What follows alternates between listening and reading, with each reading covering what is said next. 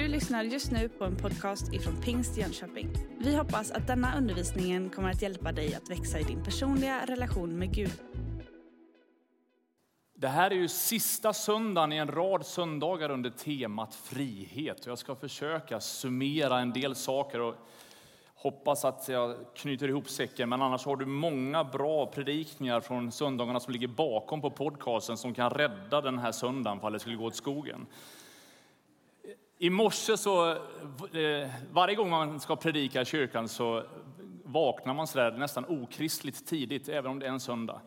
Eh, och efter en stund där i soffan med en kopp kaffe och där jag satt och laddade det sista inför den här predikan så hör jag plötsligt ett vrål från övervåningen och tänker nu är det någon av mina döttrar som antingen har sitt livs värsta mardröm eller så har vi en liten råtta som har sprungit in i huset.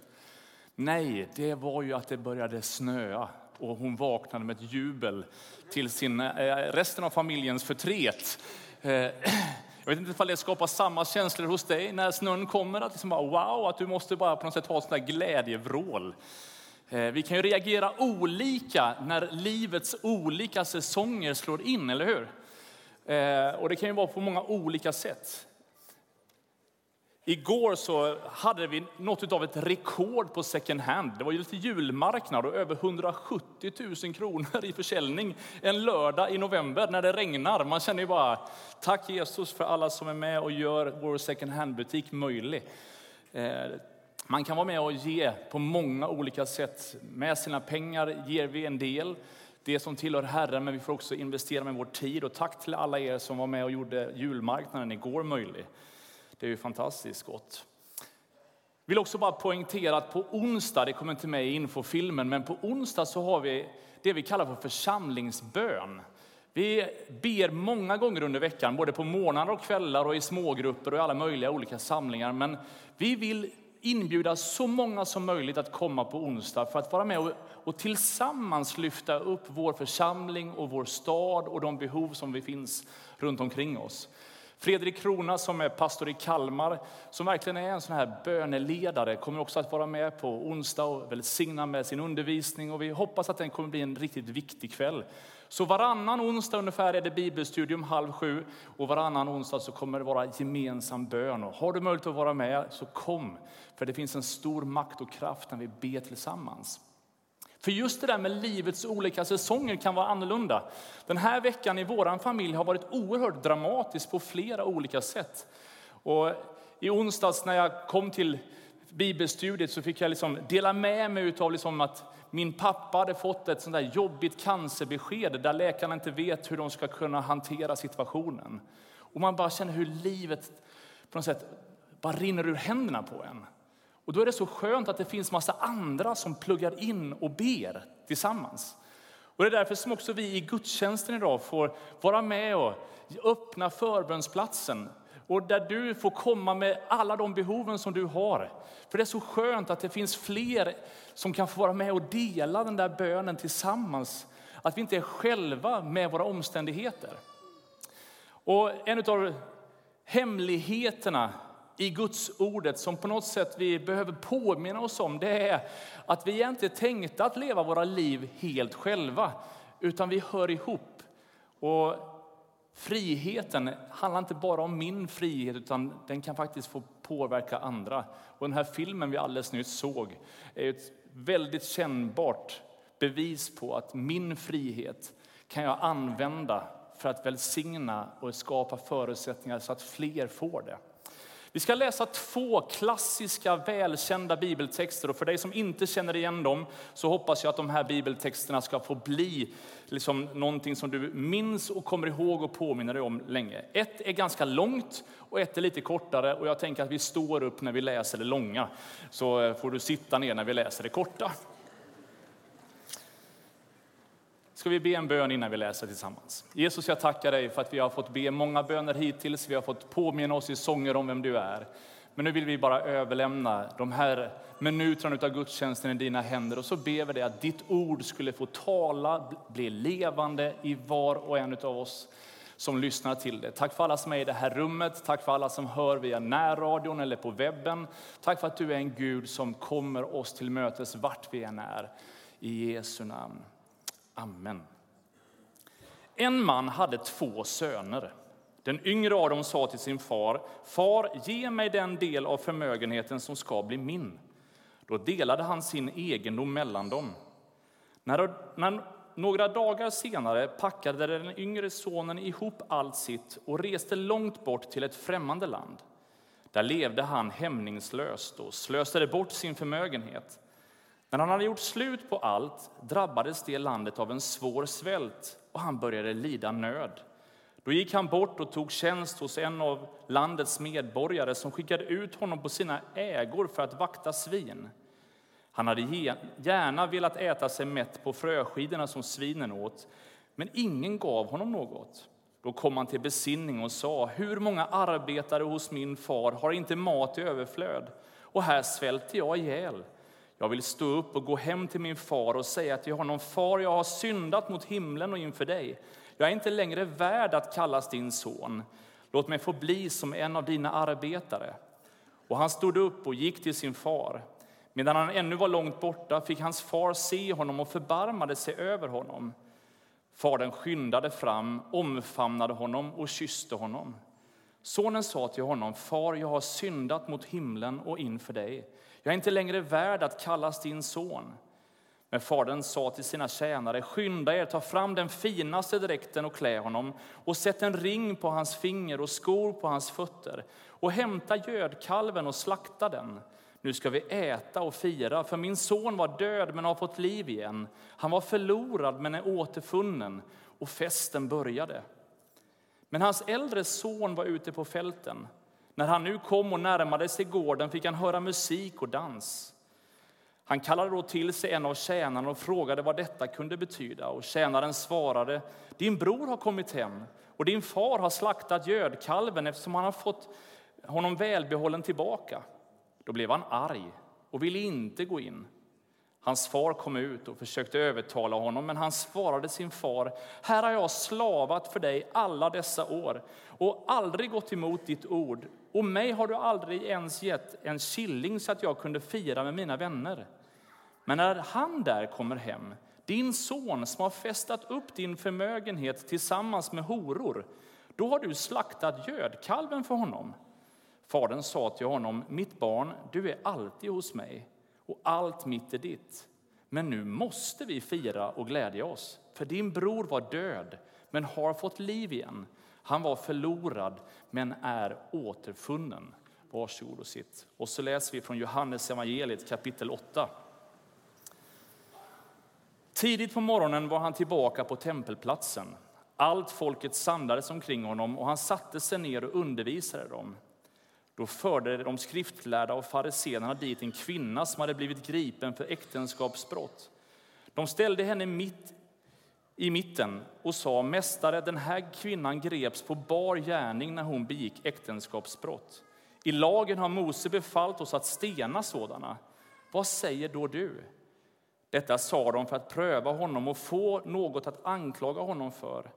Men Jesus böjde sig ner och började skriva med fingret på marken. När de fortsatte fråga honom reste han sig och sa, den av er som är utan synd kan kasta första stenen på henne. Sedan böjde han sig ner igen och skrev på marken. När de hörde detta började de gå därifrån, en efter en, de äldste först. Han blev lämnad kvar med kvinnan som stod där. Jesus reste sig upp och sa till henne, kvinna, var är de? Har ingen dömt dig? Hon svarade, nej, Herre. Då sa Jesus, inte heller jag dömer dig. Gå och synda inte mer. Jesus talade till dem igen och sa, jag är världens ljus. Den som följer mig ska inte vandra i mörkret utan ha livets ljus. Två kraftfulla bibelberättelser som i den här temaperioden gång på gång har gjort sig påmind inom mig. Hur i den första berättelsen Jesus beskriver i liknelsetermer en fiktiv berättelse. Han försöker dramatiskt förklara hur himlen funkar, hur Gud, den kärleksfulla Fadern, är och hur han förhåller sig till oss i våra liv. Men det är ganska lätt hänt att hitta på en berättelse som alltid har ett lyckligt slut. Det är ju så med de flesta filmer vi har sett att de på något sätt det löser sig på slutet. Det kan vara dramatiskt, men vi vet ju hur det slutar. Och att någonstans kan man ju säga till Jesus att det är lätt att på något sätt fiktivt berätta om det abstrakta att Gud skulle kunna vara. Men om verkligheten uppdagas, då skulle det kanske bli någonting annat. Det är därför som Johannes evangeliets berättelse är så viktig. Även om teologerna kämpade lite grann med den här texten och spekulerade ifall den verkligen har hänt, för den fattas i några tidiga manuskript och man har liksom i århundraden funderat på vilket sätt man ska förhålla sig till det. Så verkar man ändå så småningom överens om att det är en faktisk berättelse som berättas. Och så märker vi hur nåden och sanningen personifieras. Och därför så skulle jag vilja, bara under några korta minuter den här förmiddagen, det är fortfarande förmiddag, det beror på när man lyssnar på det här förresten, för det kanske var profetiskt för någon som satt och lyssnade på eftermiddagen. Men att temat den här, i den här predikan är frihetens ansikte. Och jag skulle önska att du inte bara hör en predikan om frihet i största allmänhet, utan att du får möta Kristi ansikte som är frihetens källa. I den här berättelsen som Jesus berättar om den förlorade sonen som återvänder, så är det i ett sammanhang i Lukas kapitel 15 där han egentligen berättar samma sak tre gånger. Antikens sätt att på något sätt skriva med stora bokstäver och göra stor fet stilstext så att alla ska förstå är att återupprepa samma sak flera gånger. Men vi märker också när vi läser texterna lite mer närgående att det är inte en total upprepning. Även om det låter lika i liksom essensen av att ett får försvinner och man hittar det och ett mynt försvinner och man hittar det och en son försvinner och han kommer tillbaka. Så kan man faktiskt reflektera lite närmare kring de där tre liknelserna. Ett får som gick vilse det där fåret som går där på betesmarken och ser att här var det lite mer grönt gräs och här var det lite mer grönt gräs och här var det ännu mer grönt gräs och lite längre bort verkar det vara goda härliga bär och så är det frestelsen över livets goda som gör att man helt plötsligt har fastnat på ett ställe långt borta från herden. Och ganska snabbt inser jag att så kan mitt liv också vara. Det är inte så att jag helt plötsligt förlorade allt av gemenskap med Gud och att oj, i ett ögonblick var Gud så långt borta. Utan det kan vara många små steg där jag lockas av det gröna gräset och de goda bären och vad det nu än är som fåren äter. Jag kan för lite om får känner jag. När jag ska inte ta den liknelsen längre för då går jag vilse. Som fåret gjorde. Men frestelser i livet kan föra oss bort från Gud. Det förlorade myntet. Kvinnan letar som en galning för att någonstans hitta det som var förlorat. Jag hade ju lagt det där. Jag har inte riktigt tagit ansvar för det mynt jag hade. Men någonting hände, jag vet inte riktigt vad det var som hände, så jag vet inte ens vart jag ska leta någonstans. Och ganska många gånger kan livet vara så också. Det var inte så att Gud på något sätt gjorde mig illa eller att det hände någonting som jag inte förstod och därför blev jag arg på Gud och så lämnade jag honom. Utan någonting bara hände, det bara blev.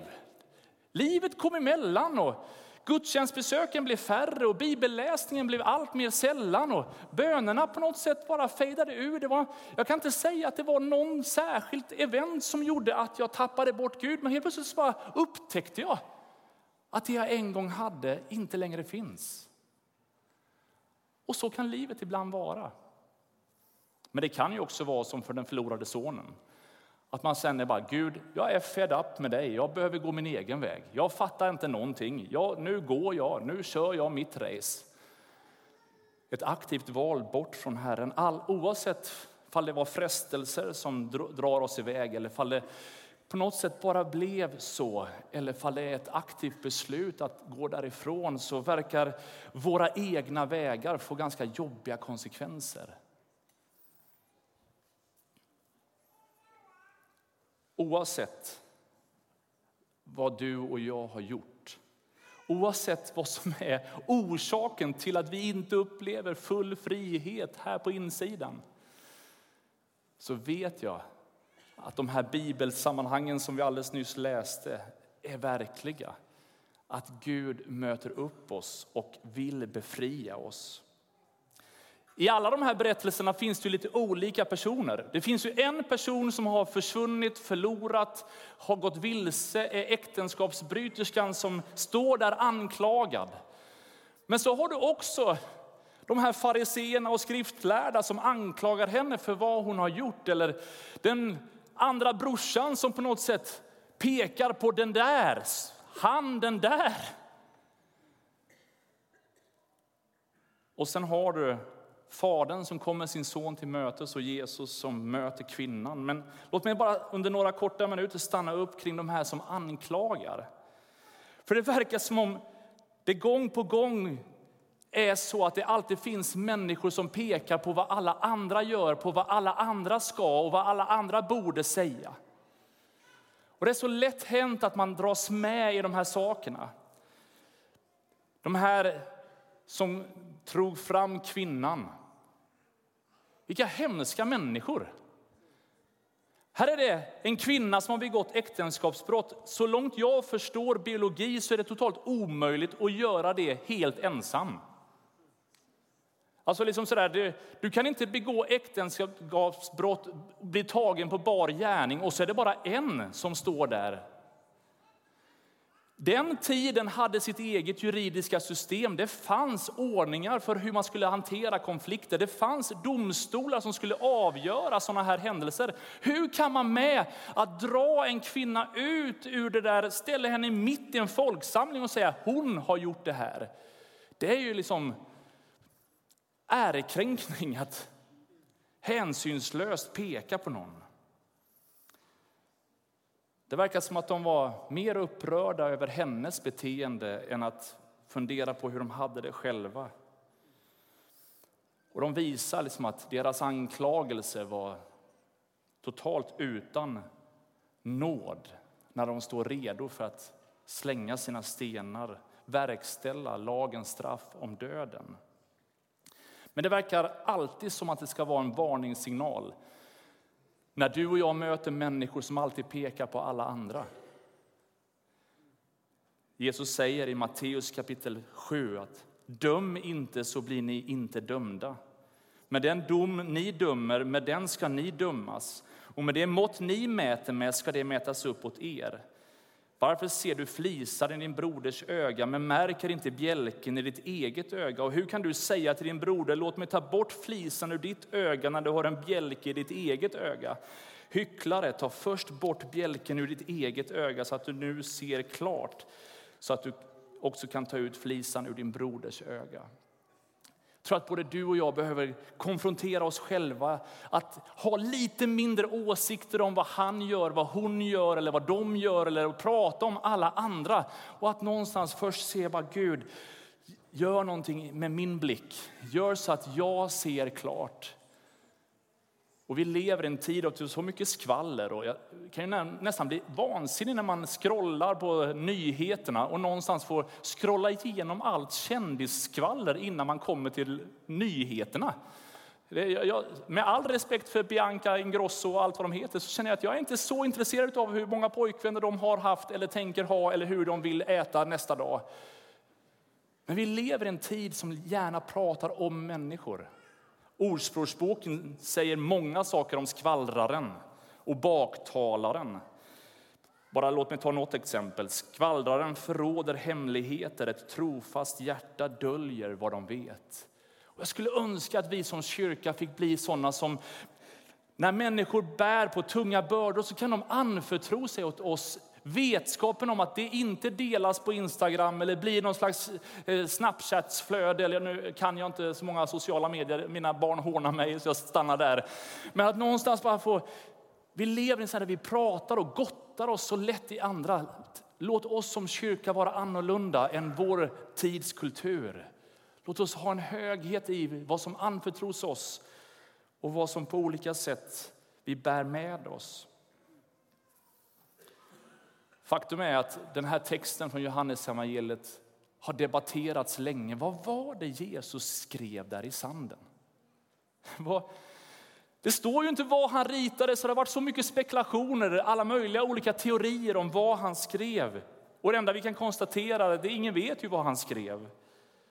Men det är intressant att Jeremia i Gamla testamentet kapitel 17, vers 13 säger så här att Herren är Israels hopp. Alla som överger dig kommer på skam. De som avfaller från mig ska bli skrivna på marken. Är det så att vid det här tillfället att Jesus faktiskt plockar upp det gamla testamentliga ordet och på något sätt skriver i sanden för att alla de människorna som står där och anklagar denna kvinna, de verkar redan ha avfallit från honom. Ja, vi kan bara spekulera. Så säger han de här avväpnande orden. Den av er som är fri från synd kan kasta första stenen. Han vet att den som håller hela lagen men bryter mot ett enda bud är skyldig till allt.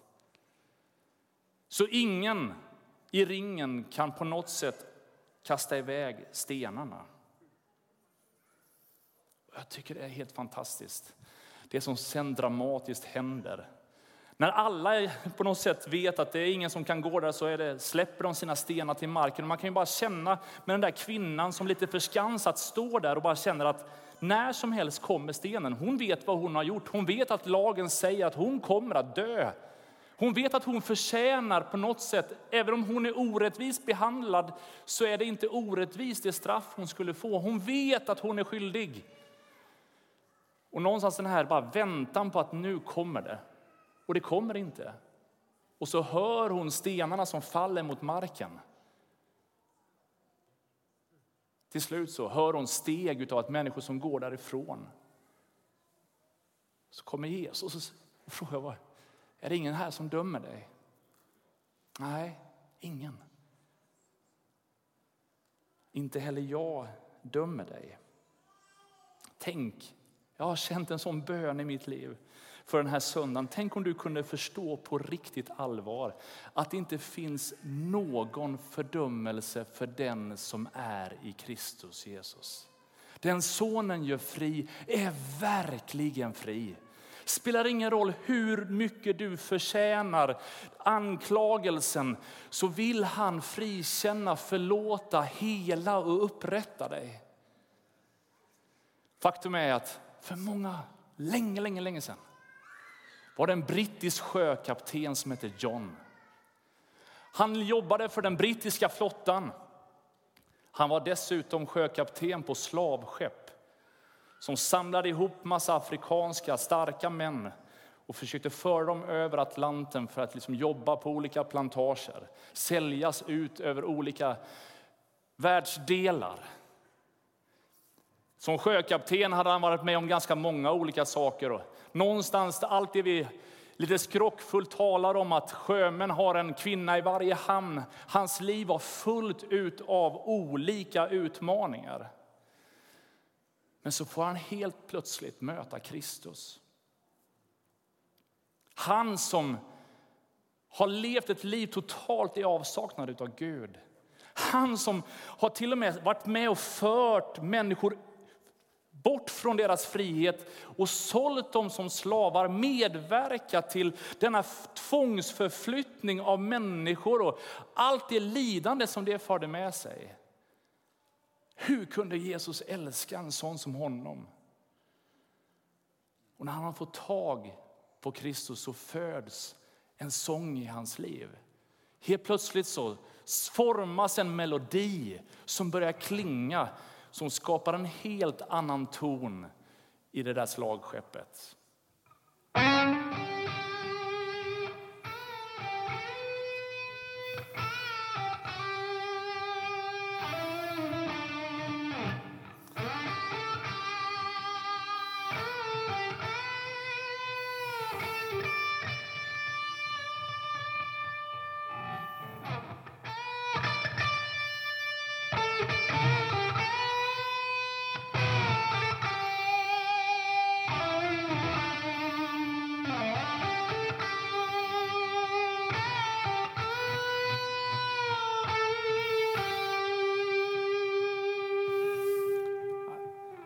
Alla predikningar blir bättre med ett gitarrsolo mitt i på något sätt.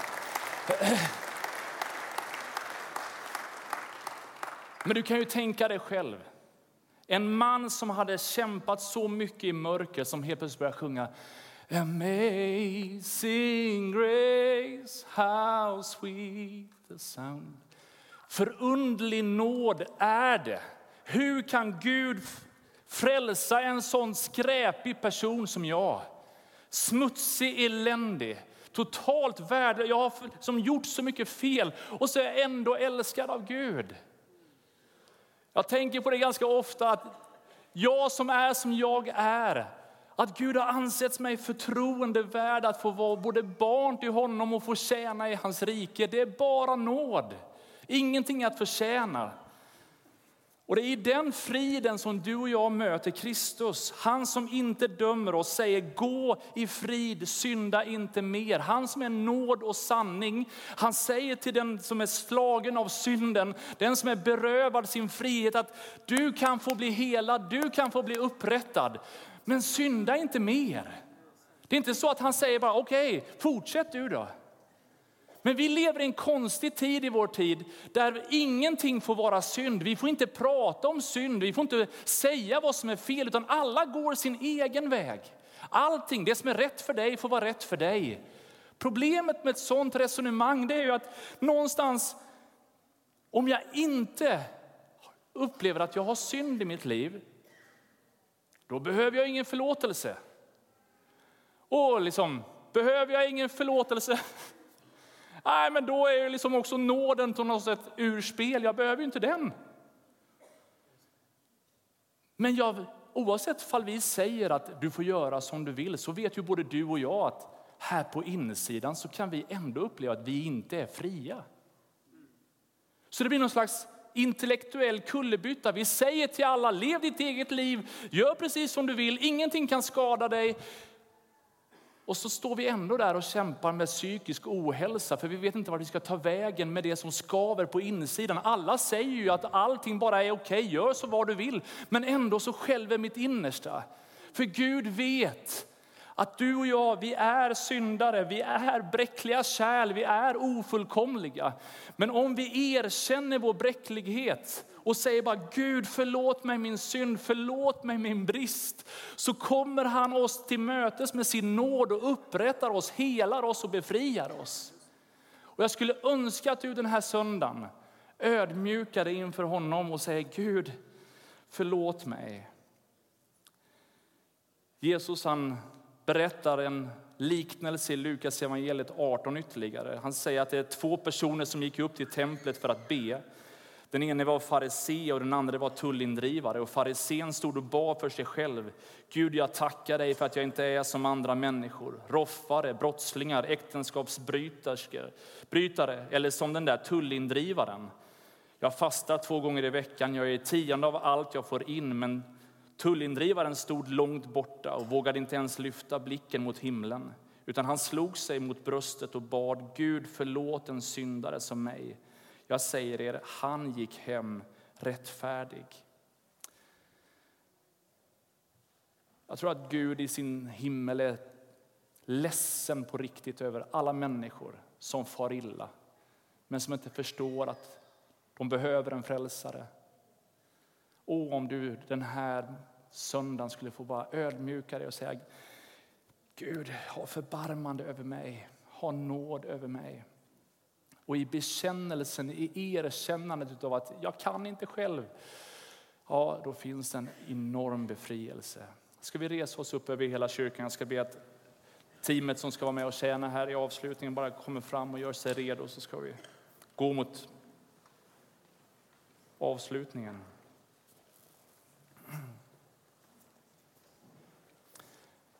I Gamla testamentet, i psalm 51, så möter vi kung David som under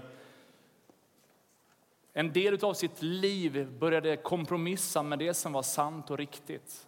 Han hade ryckts med och på något sätt tänkte att han som kung kan få göra precis vad han vill. Och ibland så kan vi likt David tänka att jag är min, mitt livs kung och jag gör precis som jag vill. Och så kan de där tankarna ta oss överstyr. Och David hade begått äktenskapsbrott, han hade blivit mördare, han hade verkligen lämnat den rättfärdiga vägen. Men när han konfronteras utav sin synd, när han inser vad han har gjort, så skriver han psalm 51 och han säger, jag vet vad jag har brutit. Jag har gjort det som är ont i dina ögon. Vänd bort din blick från mina synder, stryk ut all min skuld. Skapa i mig, Gud, ett rent hjärta. Ge mig ett nytt och stadigt sinne. Och Det där handlar på något sätt om vägen till försoning och upprättelse. Du och jag behöver vara medvetna om vad som har skett och hört, vad som har skett. Och vi behöver ha en önskan om förlåtelse och säga bara Gud förlåt mig. Och att någonstans också bara säga Gud, upprätta mig på nytt. Om jag inte riktigt vet att jag har syndat är det ju svårt att ta emot förlåtelsen. Men både du och jag vet ganska ofta vad det är som är problemet. Men skulle det vara så att vi inte har någon aning vad det är som skaver, vi bara vet att det skaver, då kan vi få be med en annan psaltarpsalm som säger Herre förlåt mig mina hemliga synder. Det här som jag på något sätt inte riktigt är medveten om, men jag bara känner att det skaver. Och när jag är medveten om att jag är beroende av honom kan jag säga Gud, jag behöver din förlåtelse i mitt liv. Och när du och jag ber om den förlåtelsen så öppnar vi oss också upp oss för det där inre helandet. Och så gör det det att du kan gå med lätta steg härifrån. Faktum är att man i ganska många kyrkosammanhang använder sig av en syndabekännelse. I sina gudstjänster så säger man, jag bekänner inför dig helige Gud att jag ofta och på många sätt har syndat med tankar, ord och gärningar. Tänk på mig i barmhärtighet och förlåt mig för Jesu Kristi skull vad jag har brutit. Och jag tänkte, vi inte alltid vi brukar vara högkyrkliga och läsa en syndabekännelse, men jag skulle vilja ge dig en chans, du som är ovan kyrkobesökare, som kanske är ovan vid att någonstans formulera din bön, att faktiskt få bara säga, läsa det här som en bön från ditt liv. Och när vi har läst den här bönen tillsammans så kommer jag fråga dig ifall du den här dagen inte bara vill bekänna din synd, och att du vill att han ska förlåta dig, utan att du också vill bli ett Guds barn. Att säga, vad Jesus, jag, jag tackar dig för att du har gjort det här möjligt. Och att du ska den här söndagen kanske få ta emot honom som din personliga frälsare. Men jag tror också att vi i den här gudstjänsten, när lovsången alldeles strax tar vid, så kommer förebedjarna finnas här på förbönsplatsen. Och du kan tända ljus och du kan dröja kvar vid olika liksom, stationer här inne. Men att vi skulle ta en god stund där du bara får känna, bara, Gud nu, nu bara överlämnar jag det som är skräp, det som är tunga bördor, det som är tunga bojor. Jag bara lägger det i dina händer. Och att någonstans bara ödmjuka sig och säga, Gud skapa i mig ett rent hjärta. För det är de renhjärtade som ska se Gud. Så om du och jag har svårt att ibland se vart är Gud, så kanske det är så att vi behöver bara Rena våran blick, rena vårt hjärta. Och i den här förlåtelsen så kommer en renhet som övergår alla andra tänkbara tvättmedel och schamposorter och balsam du någonsin har provat. När hans sons blod tvättar oss från synd så upplever vi en befriande renhet. Ska vi be den här bekännelsebönen tillsammans? Jag bekänner inför dig, helige Gud, att jag ofta och på många sätt har syndat med tankar, ord och gärningar. Tänk på mig i barmhärtighet och förlåt mig för Jesu Kristi skull vad jag har brutit. Och Jesus säger, den som bekänner sin synd, då är han trofast och rättfärdig och hans sons blod renar oss från all orättfärdighet. Så dina synder är förlåtna och på Kristi uppdrag kan vi säga gå i frid och synda inte mer. Medan alla bara blundar och prövar sitt eget hjärta så vill jag fråga dig ifall du finns med i vår kyrka idag. Som den här söndagen säger Jesus, jag är som den där förlorade sonen. En gång kände jag dig, men nu känner jag dig inte så bra längre. Jag vill hitta hem till dig. Eller kanske aldrig någonsin har sagt ditt ja personligen till Jesus. Men den här söndagen känner bara, åh, den där friheten, den där kärleksfulla famnen som Fadern beskriver, den vill jag ta del av. Bara räck din hand där du står så ska vi ta med dig en enkel bön tillsammans. om du den här söndagen vill ta emot Jesus i ditt liv. Gud välsigne dig. kan ta ner handen sen när du har räckt den. Gud välsigne dig också. Tack Jesus. Fader, vi ber dig. Är det någon mer som den här söndagen bara säger Jesus, jag behöver dig. Jag vill ta emot dig i mitt liv. Bara räck din hand där du står så ska vi ta med dig en enkel bön. Tack Jesus. Fader, vi ber dig. Herre, vi ber dig. Tack att du välsignar hela vår kyrka den här dagen, Herre. Du vet vad vi bär, du vet vad vi håller i våra hjärtan. Gud, vi tackar dig. Låt oss be en bön av överlåtelse till honom gemensamt också. Jesus, jag tackar dig för allt som du gjort för mig. Tack för att du har tagit min synd. Och tack för att du är min frälsare. Och att jag får vara ditt barn. Från den här dagen och resten av mitt liv vill jag leva nära dig. I Jesu namn. Amen. Du har just lyssnat på en podcast ifrån Pingst Jönköping. För att få reda på mer om vilka vi är och vad som händer i vår kyrka så kan du gå in på pingstjonkoping.se eller följa oss på sociala medier via pingstjkpg.